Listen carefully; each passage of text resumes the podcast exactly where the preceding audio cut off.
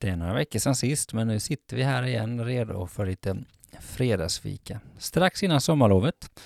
Någonting som jag tror vi kommer beröra i dagens avsnitt.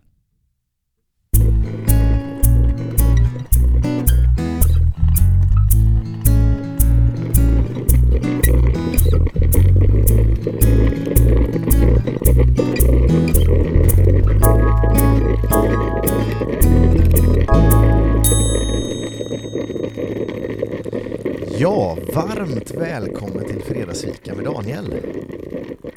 Mm. Vi som sitter här idag heter Daniel Johansson och Daniel Dahlström.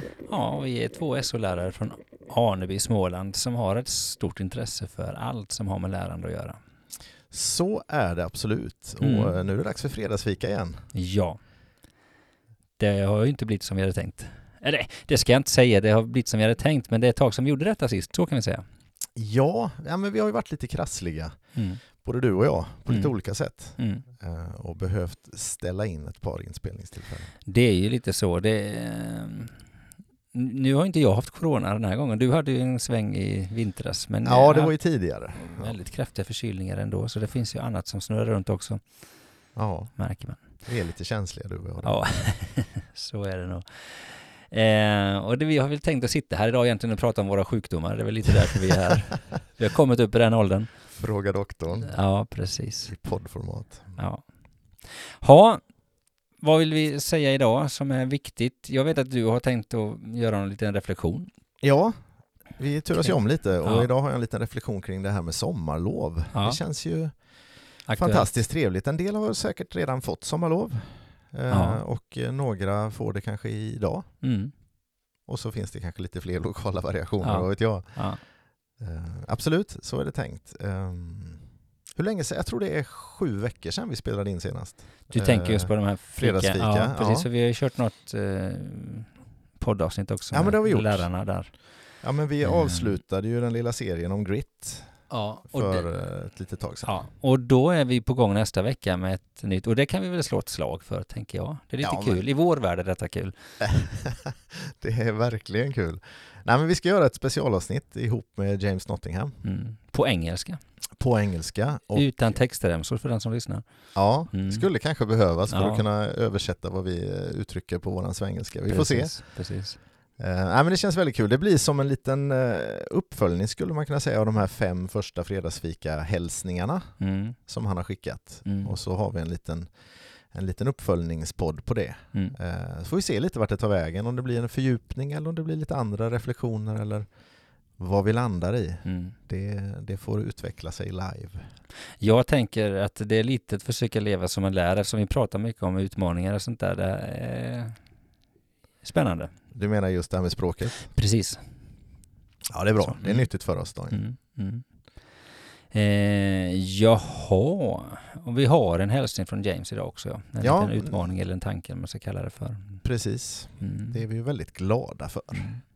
Eh, vi brukar ju ofta säga någonting, vem vill lyssna på detta? Och det är ingen skillnad idag, men Nej, alla som är men, intresserade av kaffe.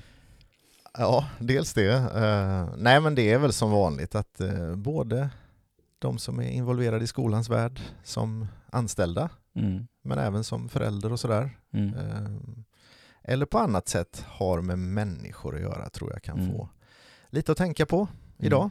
Mm. Bra. Mm. Eh, det här med kaffe och fika då, det tycker jag vi ska säga någonting om eftersom det är ju en ganska bestående, eller vad säger man, elementär I- del. Just i fredagsfikat. Ja, jo, men så är det ju. Mm. Och, eh, vi är ju glada över vårt samarbete med, med Kaffekassan Mm. eh, som erbjuder lyxigt och gott kaffe. Mm.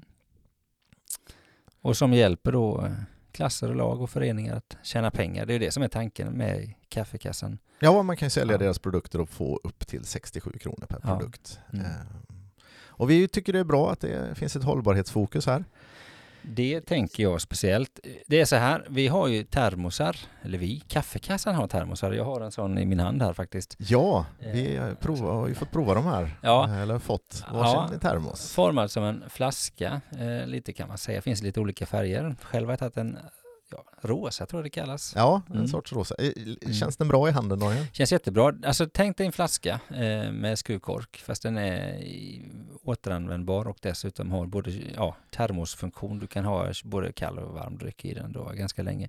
Men det jag tänker lite, just det här med att återanvända flaskor och sånt där, det är ju det här med hållbarhet och sånt där eftersom mm, det är ju någonting de ändå trycker på i kaffekassan. Och, eh, de pratar om det här med, skriver det på sin hemsida också, på sina produkter, att det är så mycket plast i havet och det där är någonting som Mm. jag själv reagerar ganska mycket på när man är vid västkusten. Vi brukar hänga där på somrarna ibland. Ja. Att det verkligen flyter i land så mycket skräp så kan man minska det på något sätt genom att återanvända produkter så tycker jag det är väldigt bra. Så termosen är en del i detta faktiskt. Det är en medveten tanke att göra produkter som man kan återanvända. ja, vi slår ett slag för den. Ja. Gå gärna in på kaffekassan.se och kolla in deras termosar. Mm.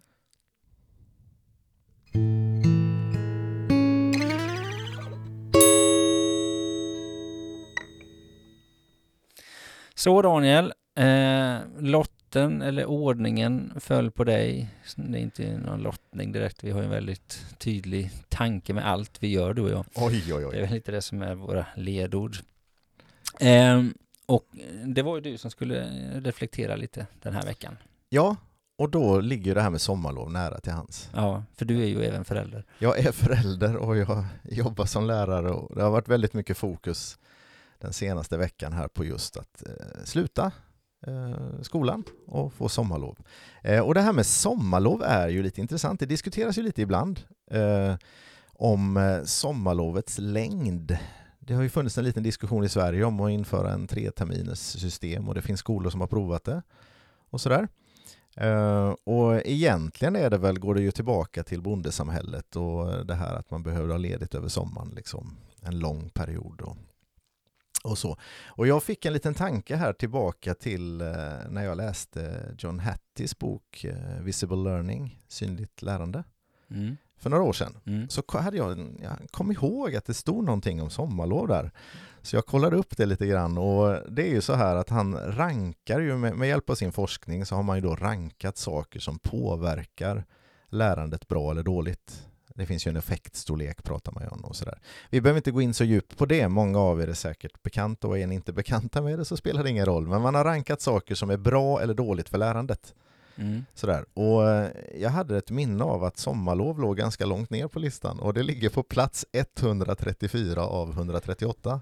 Det är inte så bra. Nej, Nej. och det har ju alltså då en negativ påverkan på lärandet att man har ett så långt lov. Ja. Har man funnit i sina studier. Eh, sådär. Och jag tycker det där är lite intressant. Eh, Stämmer det här med din erfarenhet Daniel? Tycker du att det är så att elever kommer tillbaka efter sommarlovet och har tagit något steg tillbaka till och med? Liksom? Eh, jätteintressant reflektion. Eh, oj. Jag vet inte. Jag tänker egentligen så här och jag vet inte om det kan ju ha med längden att göra men jag tycker nästan alltid varje uppstartsfas är lite av ett omtag, man ska säga, där man får backa lite. Mm. Ehm, Men det kan ju vara efter kortare uppehåll också, men kanske det blir tydligare i samband med sommarlovet. Och sen brukar jag också reflektera ibland över det här att det som händer runt omkring lovet, innan lovet, Mm. så är det många som liksom, ja, går ner för landning Loggar lite ut, för tidigt. Ja, men liksom. lite så, det är snart lov. Det kan man säga en vanlig fredag också. Idag vill vi inte göra någonting, det är snart helg. Och den känslan kan dröja kvar lite efter lovet också. Och det kan jag väl känna i mig själv också. Kanske inte så mycket före lovet, för då jobbar man in i kaklet som Ja. lärare. Men det här att komma igång, det är alltid en startfas i det. Startfas. Eh, är det bra eller dåligt? Alltså jag tänker, vi pr- pratar om lärandet här. Mm. Och jag kan ju tänka då att eh, om man tänker på livsrytmen i övrigt, eh, är det bra eller dåligt att få ett längre, en längre paus eller skulle man dela upp pauserna istället? Ja men precis, och det är ju där någonstans diskussionen har legat lite ju. Ja, Eh, är det bra att ha ett sånt abnormt långt lov? Det är ju verkligen ett, eh, Ja. eh, alltså, två, vad blir det i år? Två, två och en halv månad? jag, jag, jag har inte Eh, ja, riktigt men koll på datum och nio, tio veckor började, eller men- sådär. Ja. Ja. Mm. Det är ganska länge. Mm. Eh, nej men det, jag tycker ändå det är intressant det där. ehm, med just att det kanske till och med har en negativ effekt på lärandet. Sen har ju givetvis lov många andra positiva effekter. Ja men precis. Man behöver vila ut sig och man, Mm. man får en massa Mm. trevligt som händer. Många, eh, och för en del är ju Mm. lov inte alls så trevliga. Men det, det- där är kanske en lite annan diskussion. Så. Det är en annan diskussion om man kan ha med den aspekten ändå. Jag tänker ofta, vi märker det på elever som kanske tycker skolan är tuff av andra orsaker. Alltså Ja. det finns eh, ja, emotionella och sociala bitar som man jobbar med ganska mycket. Där kan ju lov ibland vara ett eh, riktigt störningsmoment för man, man tappar kontinuiteten i det här liksom Mm. att jobba med att funka socialt eller funka i vissa miljöer och sånt där. Och, och det kan ju vara annat också, det kan vara hemförhållanden som stör och sånt där också som man ja men verkligen. Där är skolan kan vara en frizon som man är Ja. borta från. Och det där är också en diskussion som man kan... Men nu var det ju lärandet du fokuserade på. Ja, just det. Men eh, ja, lite intressant är det. Och, och då, då finns det ju en liten, eh, jag tycker det var spännande för John Hattie, han, han problematiserar lite sen i, i den här boken som är riktar sig till lärare, Ja. som tolkar de här eh, rönen och, och riktar sig till lärare, så finns det en problematisering där man funderar kring om det verkligen är så att det är, det är barnen som tappar i lärande, eller om det är lärarnas oförmåga att, att gå vidare där man var. Säg Mm. att man, man får nya elever från en annan lärare eller sådär. Mm.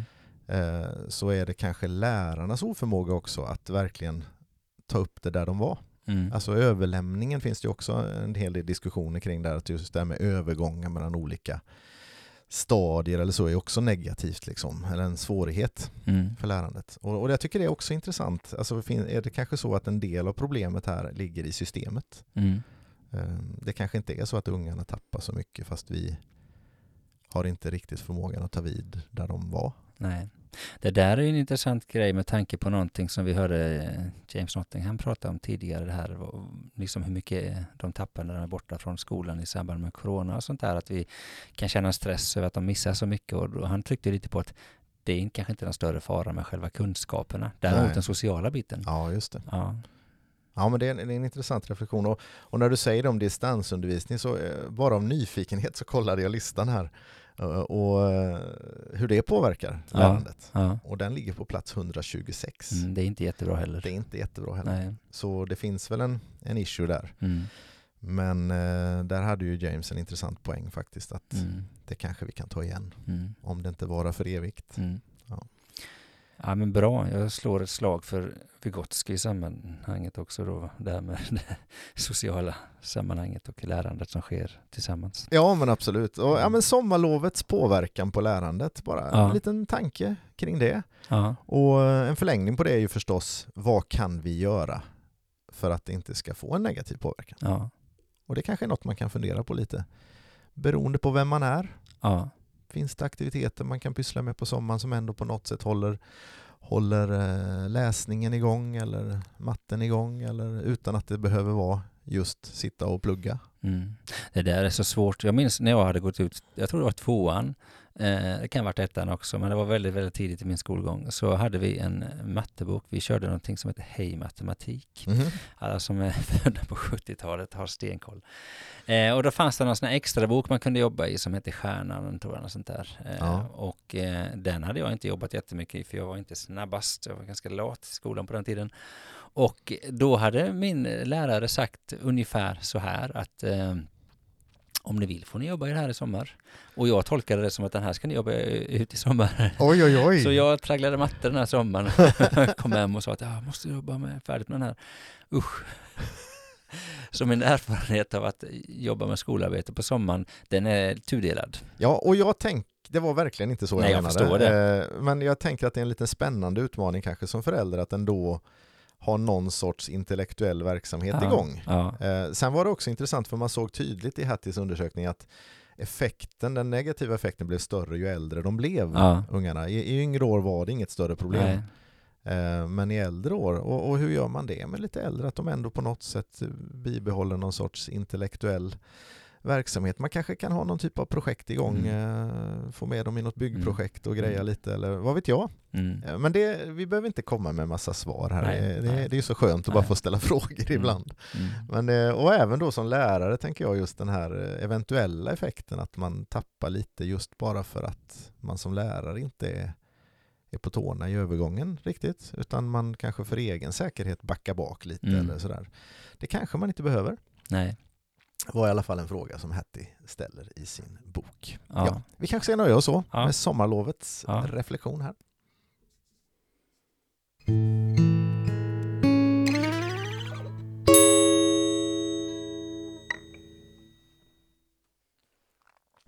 Bra, då ska vi gå över till nästa punkt i vårt lilla program och det är ju hälsningen från James Nottingham.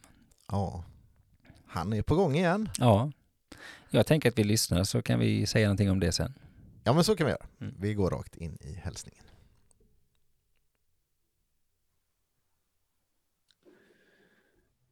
This week, I'd like to talk about learning from failure. When uh, my good friend and colleague Bussa Larsson, um, he lives in Norrköping right now, but he's originally from Lulu, and uh, that's how where his loyalties lie for ice hockey, amongst other things. When Bussa and I were writing our book on mindset, and we had worked uh, closely with Carol Dweck and been on tour with her a number of times. As we were looking deeper and deeper into the meta analyses and the studies on, on growth mindset, what we particularly found interesting was that children, students, ordinarily don't know what mindset an adult is in. Indeed, other adults don't know what adults' mindset is. But what children can easily spot, or quite easily spot, is the adult's attitude towards failure. And because of that, it's the adult's attitude towards failure that is actually more influential than their mindset is. You see, if you respond to failure in terms of, well, that was a stupid thing to do. I should never have done that. Why on earth did I ever think I could? I'm never going to do that again. Then that, in effect, is saying, this is the end of the road. I've hit a dead end and I can't do anything about it. And that is a fixed mindset notion that you can't do anything about it, that you're powerless. Whereas if you respond to failure in terms of, well, that didn't work, I wonder why it didn't work, what can I learn from it, and what can I design for the future to take notice of that learning? In other words, to say it's not the end of the road, it's a dead end, but I've always got options open to me, and now I'm going to learn from that failure to go to the next step. Then that can be much more influential in putting people into a growth mindset. In fact, one of the most fascinating conferences I've been to in recent years was called a fun event. This was in northern Netherlands, and fun F U N. And I'm going to spare the blushes of your listeners, Daniel and Daniel, and I'm not going to spell out the first word, but it's a four letter word beginning with F that you might shout in English if you've hurt yourself.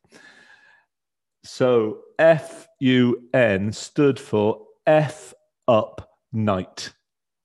And basically, each speaker had to talk about their biggest F up their biggest failure, their biggest mistake, and what they'd learned from it.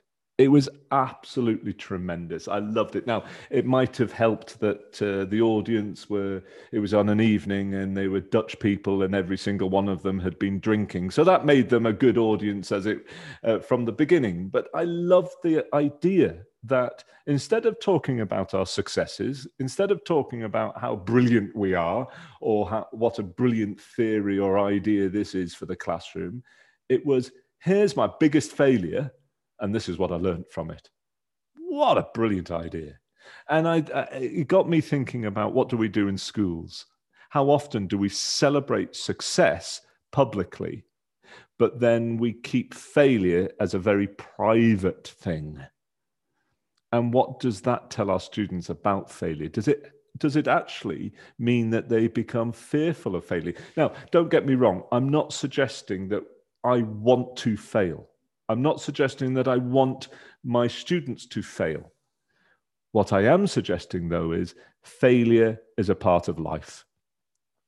We're all going to fail many times over. Maybe fail with a relationship, or fail in an exam, or fail with a skill, or fail uh, to persuade someone. There's all sorts of ways in which we're going to fail. And if our students have a positive attitude towards that and think failure is not the end, but failure is a learning opportunity. I don't want to fail, but when I do, this is what I learn from it and this is how I can design, and this is how it helps me build for the future. That can be much more, shall we say, healthy, I would say. So, my question to you, Daniel and Daniel, is this How are we talking about failure in education?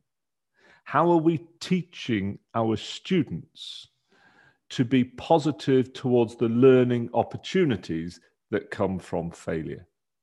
And before I finish, let me use one other term mistakes. We often talk about mistakes, particularly with younger children. We talk less about failure and more about mistakes.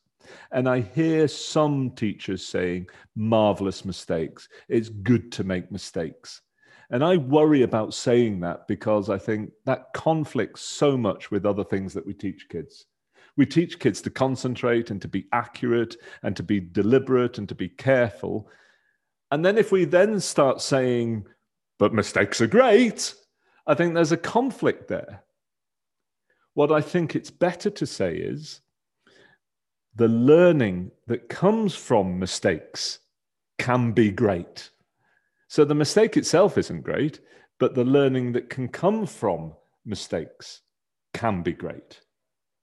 So that's my third question to you is about the role of mistakes and how are you teaching your students to respond in a very thoughtful, perhaps even analytical way towards mistakes rather than to be ashamed or upset or frightened or embarrassed, to be much more thinking, okay, I made a mistake because of this, this, and this this is why I made the mistake. This is what I can learn from it. And this is what I'm going to do next so I don't make the same mistake twice. and be the same with failure. This is why I failed. This is what led to that failure. This is what I've learned from that failure. And this is what I'm going to do next so I don't fail in the same way. Failure and mistakes, the learning that can come from it, can be extraordinary so long as our students are not afraid of those mistakes and failure? Ja, jag, jag, tänker så här innan vi går in på frågorna han ställde till oss och sådär. Eh, bara en kort liten förklaring kring det här han pratar om. Det är inte säkert att alla som lyssnar har koll på Mindset eller Carol Dweck och sådär. Eller nej, nej, nej, absolut inte. Och då kan det bli lite, lite svårt det här kanske just inledningen när han pratar om vilket mindset man har, är svårt att få syn på för mm. barn och sådär. Mm. Men det refererar ju alltså till Carol Dwecks väldigt, väldigt kända forskning kring eh, growth mindset och eh, fixed mindset eh, mm. som handlar helt enkelt om eh, en sorts inställning, eller vad ska man säga, till livet, höll jag på att säga, som påverkar hur man beter sig när man gör misstag eller eh, när man ska lära sig saker och mm. sådär. Och att hennes forskning pekar mot att man, har, man tenderar att ha den ena eller den andra inställningen. Mm. Eh, men man kan ha olika i olika sammanhang mm. i livet. Det är mm. väldigt, väldigt kort bara så. Det är det han refererar till. Mm. Och då sa han det att det kan vara svårt för barn att se vilket mindset du har, men de ser hur du hanterar misslyckanden och misstag och sånt där va? Just det, det visar den här forskningen väldigt tydligt då, att, att barn är väldigt bra på att känna in det eller se det. Ja. Hur vuxna hanterar misstag.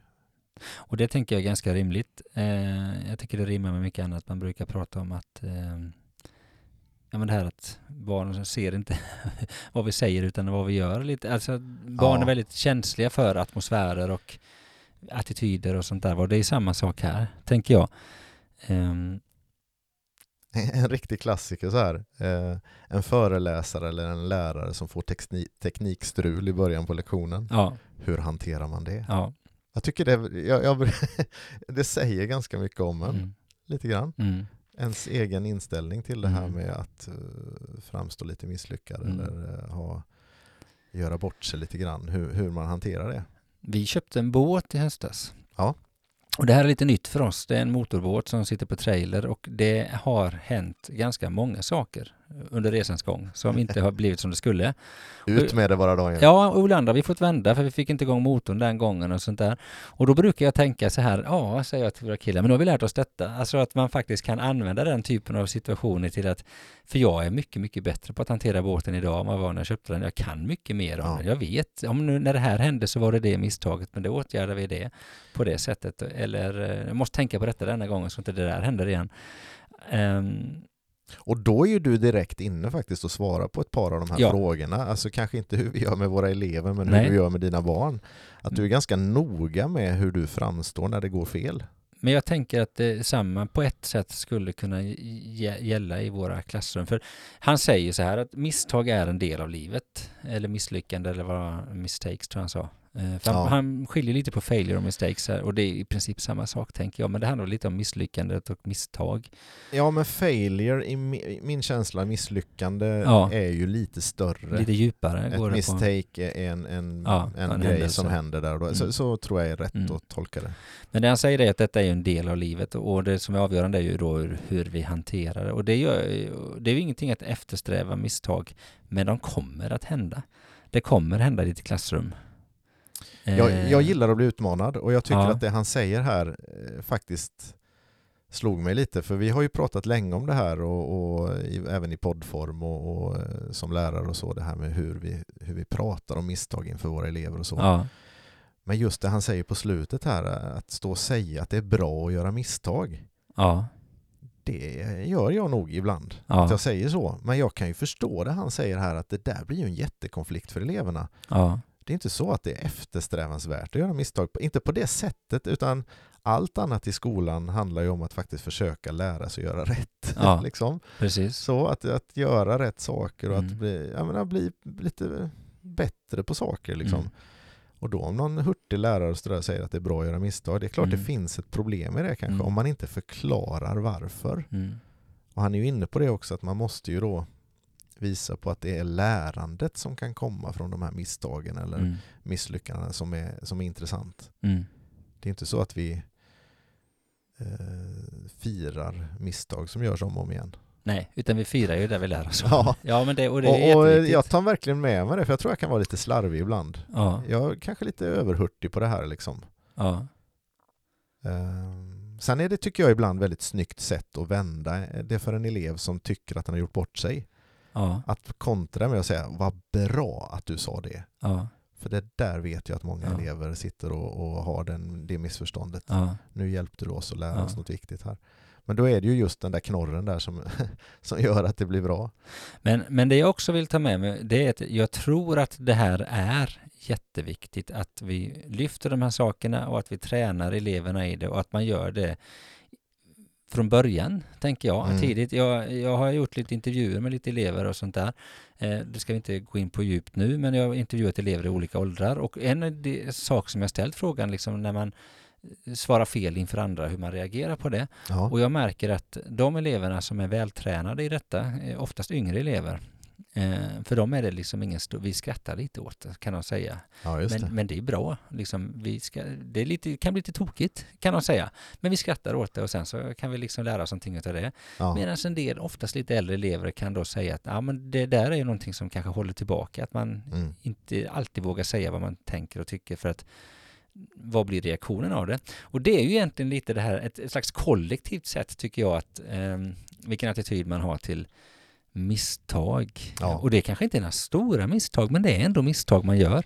Och hur hanterar man det? Och hur hanterar jag mina egna misstag speglar ju givetvis hur jag hanterar mm. min omgivnings misstag. Och jag tänker att vi som är i ledande och funktion, lärare eller ledare, vi måste vara förebilder. Vi måste vara medvetna om ja. detta.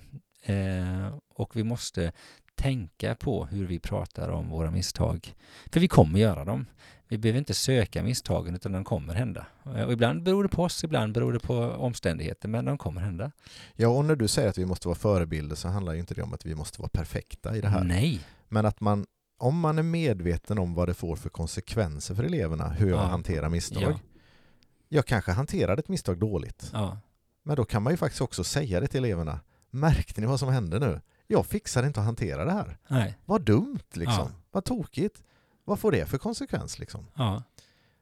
Så det är inte det här att man måste vara perfekt. Nej. För det, den pressen ju, kan vi inte sätta på oss själva. För, för det, kan vara, det kan vara jättesvårt för många av oss att hantera en del misstag. Ja. Särskilt i vissa situationer där man tycker att man ska kunna eller sådär. Mm. Så är vi lite fixt. Och det finns ju inga som är så fixt enligt eh. Dweck som lärare. Nej, jag vet det. Eh, och så, men, men är man medveten om konsekvenserna av det så, Mm. så kan man ändå ha en öppen attityd inför eleverna och, Mm. Och visa att jag vill lära av mina Ja. misstag.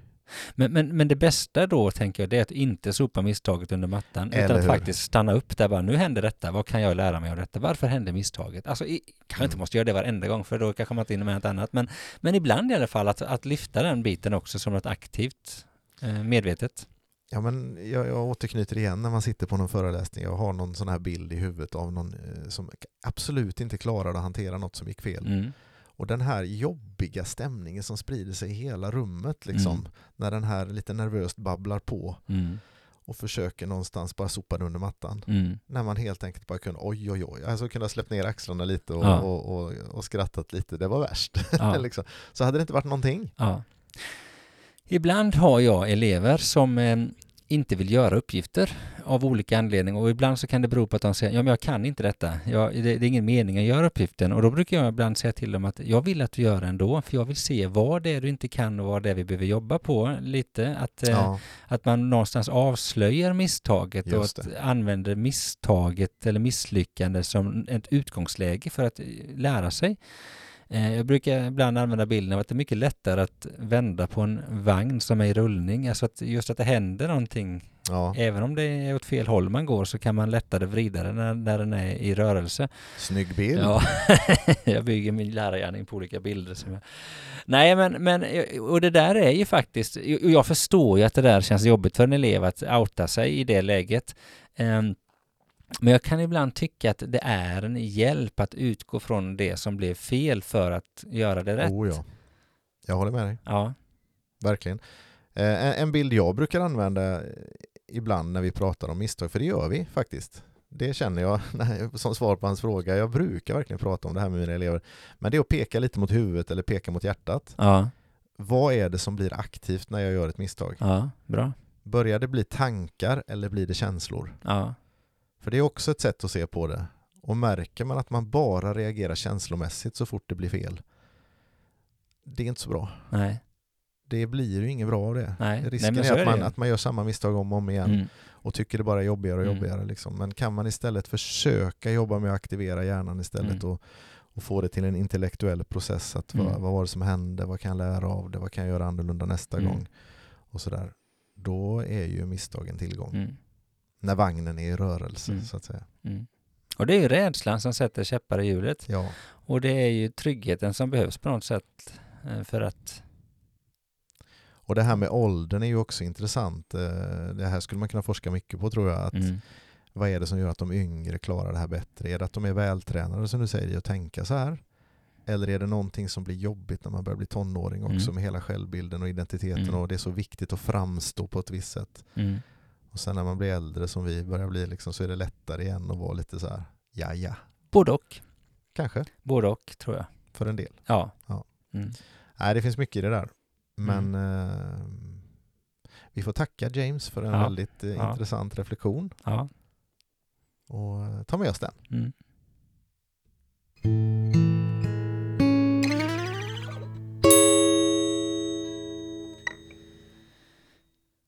Dags att gå in för landning, Daniel. Ja, Ja, runda av lite. ja, Eh, Och som sammanfattning har vi ju haft en liten taktik att vi ställer ett par frågor på slutet. ja, Tänkte vi skulle göra det idag också. Eh, och dels då från det samtalsämnet jag lyfte kring det här med sommarlovet Ja. så tänker jag att man skulle kunna ställa frågan ungefär, ungefär så här att hur kan vi minska den negativa effekten av sommarlov? Om det nu finns en sån, Ja. eh, som, som lärare eller som förälder eller som skola, beroende på var du har din, eh, och du som lyssnare liksom finns. Mm. Eh, finns det saker man kan göra? Det kan vara värt att fundera på Mm. nu i sommarlovstider. Mm. Utan att hamna i det här att man sitter och, och räknar matte i en mattebok hela Nej. sommaren, för det är verkligen inte det vi menar. Det Men finns det någon typ av intellektuell verksamhet eller sådär Mm. man kan pyssla med? Kanske. Kanske kan utmana dem ibland, tänker jag. Ja, men på Snarare något sätt. Eller att göra liksom- några roliga familjeaktiviteter Ja. som ändå på något sätt... Mm. Vad vet jag? Det var första frågan. Ska man ta någonting från James Nottingham, man hade ju ett gäng frågor där, men skulle man sammanfatta det lite tänker jag att hur kan du som eh, lyssnar på detta då bli bättre på att lära eller bättre på att prata kanske om Just det. misstag? Hantera. Ja, hantera Också. kanske ett bra ord och då hur man då som kan överföra denna förmågan till de man leder sen, för det är ju nästa steg tänker jag, just det här att hantera misstag, både hur man pratar och tänker kring det. Och då tänker jag att när man reflekterar över den frågan så kan man göra det utifrån det här perspektivet att barn ofta noterar Ja, hur vi hanterar det och är ganska känsliga för det. precis. Mm. Bra. Vi är väldigt glada att konstatera att du som lyssnare härmed har valt att inleda den här helgen med ett fredagsfika med Daniel. Mm. Förhoppningsvis har du fått lite fredagsfeeling eh, och kanske någonting intressant att fundera på. Vi vill eh, förstås rikta ett stort tack till våra samarbetspartners eh, Kaffekassan och Challenging Learning. Ja, och framförallt ett stort tack till dig som har lyssnat och fredagsfika tillsammans med oss. Med dessa ord tackar Daniel och Daniel för oss. Vi hörs snart igen.